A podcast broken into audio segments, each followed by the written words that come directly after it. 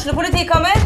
Ine Jansen er purk. Er du purk? The motherfucking bitch. Alt jeg vil, er å finne ut hva som skjedde med mannen min. Jon Carew. Er jeg sikta for noe? Iben Akeli. Det er du. Ole So, Lars Berrum og Big Daddy Karsten. Hvem sin side er du på, egentlig? Anette Hoff, Tone Danielsen, Kommer du fra Afrika?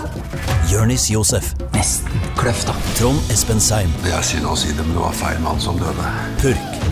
Premiere tirsdag på TV2 Play. Hei, takk for at du lytter til Søvnløs. Skulle du ønske at du kunne høre en ny episode av denne podkasten hver eneste uke? Vel, da er det bare å laste ned podkastappen Untold med en gang. I tillegg til ukentlige episoder av podkaster som Skrekkpodden, Truecrimepodden og Henrettelsespodden får du masse annet reklamefritt og eksklusivt innhold. Last ned Untold i AppStore eller Google Play, og start din 30 dagers prøveperiode i dag.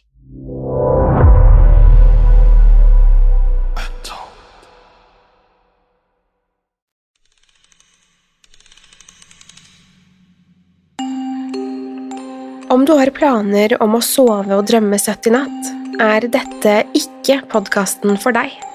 Hvis du er lettskremt, lett påvirkelig eller har søvnproblemer, bør du styre unna akkurat denne. Om du likevel vil ta sjansen, eller er på utkikk etter en unnskyldning for å ikke sove, så har du kommet til rett sted. Om du velger å bli, er du herved advart. Velkommen til Søvnløs.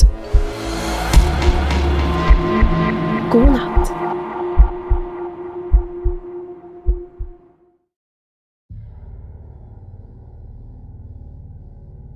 Jeg pleide å se den ofte, så jeg flyttet bort til en annen by. Nå ser jeg den ikke lenger. I alle fall ikke fysisk, men nå og da sniker den seg inn i tankene mine. Det ene øyeblikket er den høyt oppe i været. I det andre glir den langs bakken. Bare tanken på den gir meg fremdeles frysninger. En gang i tiden pleide den å følge med på meg, men nå kan den ikke se meg lenger. I det minste tror jeg ikke den kan det. Jeg hadde likevel ikke blitt overrasket om jeg våknet en natt og fikk se de øynene stirre på meg gjennom vinduet. Jeg håper jeg er død før jeg ser det grusomme smilet og de skarpe tennene igjen. Jeg ber om at jeg har sett det monsteret for siste gang. Da jeg var barn, bodde jeg i et lite nabolag i utkanten av en by. Nå ser du sikkert for deg den type nabolag med store, hvite hus på rekke og rad, med perfekte grønne plener og doble garasjeporter. Det var ikke sånn i det hele tatt. Nabolaget mitt var mer gammeldags. Det ble bygget en gang på 50-tallet, og alle husene så forskjellige ut. De fleste husene var slitne og var i ferd med å falle sammen. Menneskene som bodde der var hardtarbeidende, ærlige og omtrent like gamle som husene selv. Likevel var det ikke et spesielt vennlig nabolag. Ingen snakket til hverandre om det ikke var strengt nødvendig. Det var noe av det eneste jeg ikke likte ved nabolaget mitt. Moren min sa alltid at naboene bare foretrakk å holde seg for seg selv, og at de ikke hadde noe viktig å komme med likevel. Når jeg ser tilbake på det nå, tror jeg faktisk at de hadde noe viktig å komme med. Noe veldig, veldig viktig. Jeg så den for første gang den sommeren jeg fylte åtte år. Det hadde vært ekstremt varmt, mye varmere enn noen annen sommer jeg har opplevd i ettertid. Derfor hadde jeg holdt meg innendørs store deler av formiddagen. Etter lunsj hadde faren min satt opp vannsprederen i hagen, og jeg fortet meg ut for å avkjøle meg. Det var på den tiden jeg ikke hadde en eneste bekymring i verden.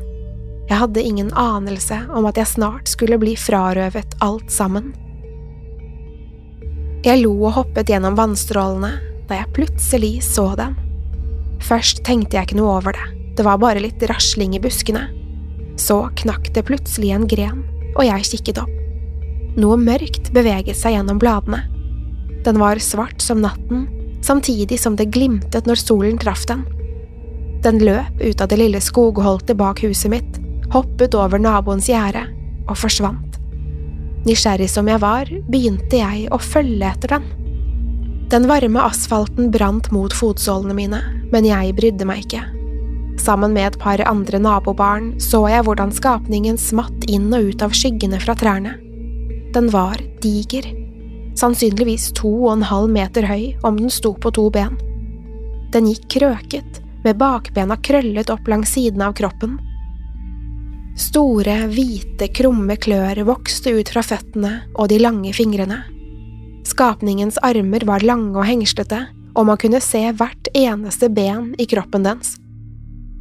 Huden var kullsvart og læraktig og strukket stramt over den magre kroppen. Den var ikke formet som noe dyr jeg noen gang hadde sett, med merkelige uthulinger og utvekster. På mange måter kunne det se ut som om skapningen var i ferd med å råtne bort. Likevel krøp den gjennom gatene i solsteken, og hver gang solen traff den, glinset den i grått og blått som om den var laget av glass. Så var det ansiktet. Huden var den samme og strakk seg over den ovale skallen. Øynene var innsunkne, store og runde. De hadde en merkelig gulhvit pulserende glød, som om det faktisk strømmet lys fra dem. Av en eller annen grunn kunne det se ut som den smilte. Munnen var strukket fra det ene øret til det andre. Gliset avdekket to rader med kritthvite, skarpe tenner. De var så lange at skapningen ikke kunne lukke munnen skikkelig. De skarpe tannspissene gnisset sammen mens den lusket rundt og svingte hodet frem og tilbake som om den prøvde å lukte etter noe. Jeg pleide å synes det så morsomt ut, spesielt fordi vesenet ikke hadde noen nese eller snute. Nå skremmer tanken vettet av meg. Barna i nabolaget stirret på den med blikkene fulle av nysgjerrighet. Vi hadde aldri sett noe lignende før. Jeg regnet med at det var en dyreart jeg ikke hadde lært om på skolen ennå. Jeg skulle fremdeles ønske det var det. Så ble vi ropt inn av foreldrene våre, én etter én. Ingen ville slippe skapningen av syne, men vi hadde ikke så mye valg. Jeg kan ikke snakke for de andre barna, men jeg glemte aldri vesenet vi hadde sett. Interesser kom og gikk, men likevel forble bildet av vesenet på netthinnen min. Det var jeg som fant den frem fra underbevisstheten min hver gang jeg skulle sove. Den groteske, fordreide skapningen sørget for at jeg ikke fikk et øyeblikk søvn. Noen kvelder etter at jeg hadde sett den for første gang, lå jeg i sengen med dynen trukket helt opp under nesen. Det var til tross for at det fremdeles var uutholdelig varmt. Nattlyset på den andre siden av rommet hjalp ikke på frykten for spøkelser og monstre under sengen. Så snek bildet av den merkelige skapningen seg inn i tankene mine. Jeg grep tak i dynen og trakk den helt opp til øynene.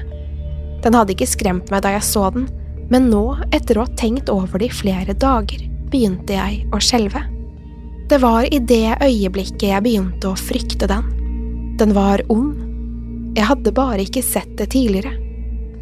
Akkurat da hørte jeg et lite rapp på vinduet, og jeg frøs til. Så kom det et til, og enda et.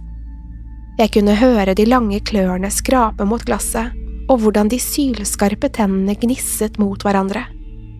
Jeg kunne til og med høre skapningen puste, tungt og raspende, inn og ut.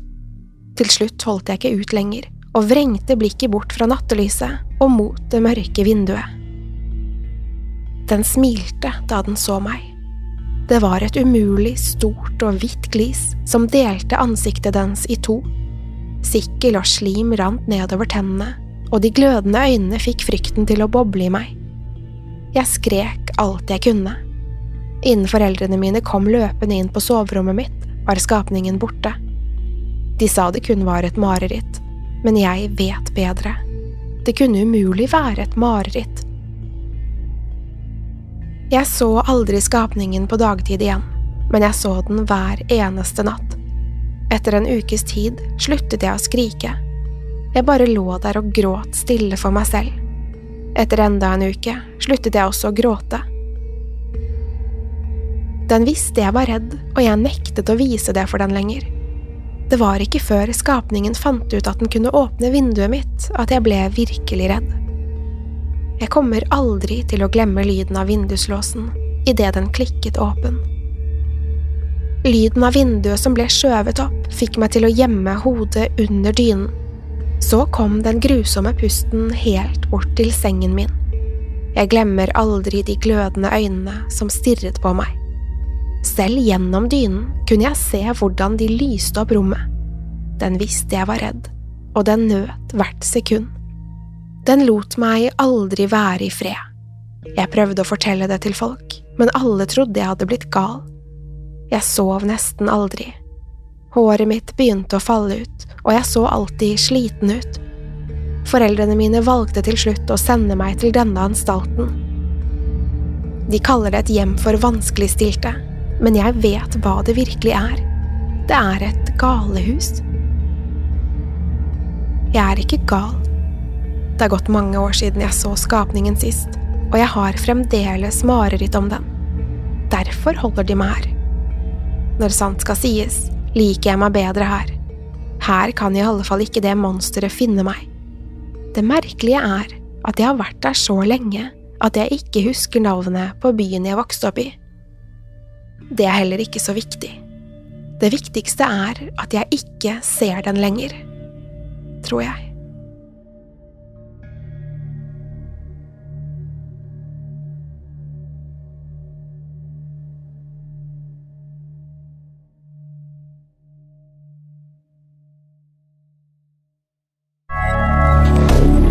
Moderne media.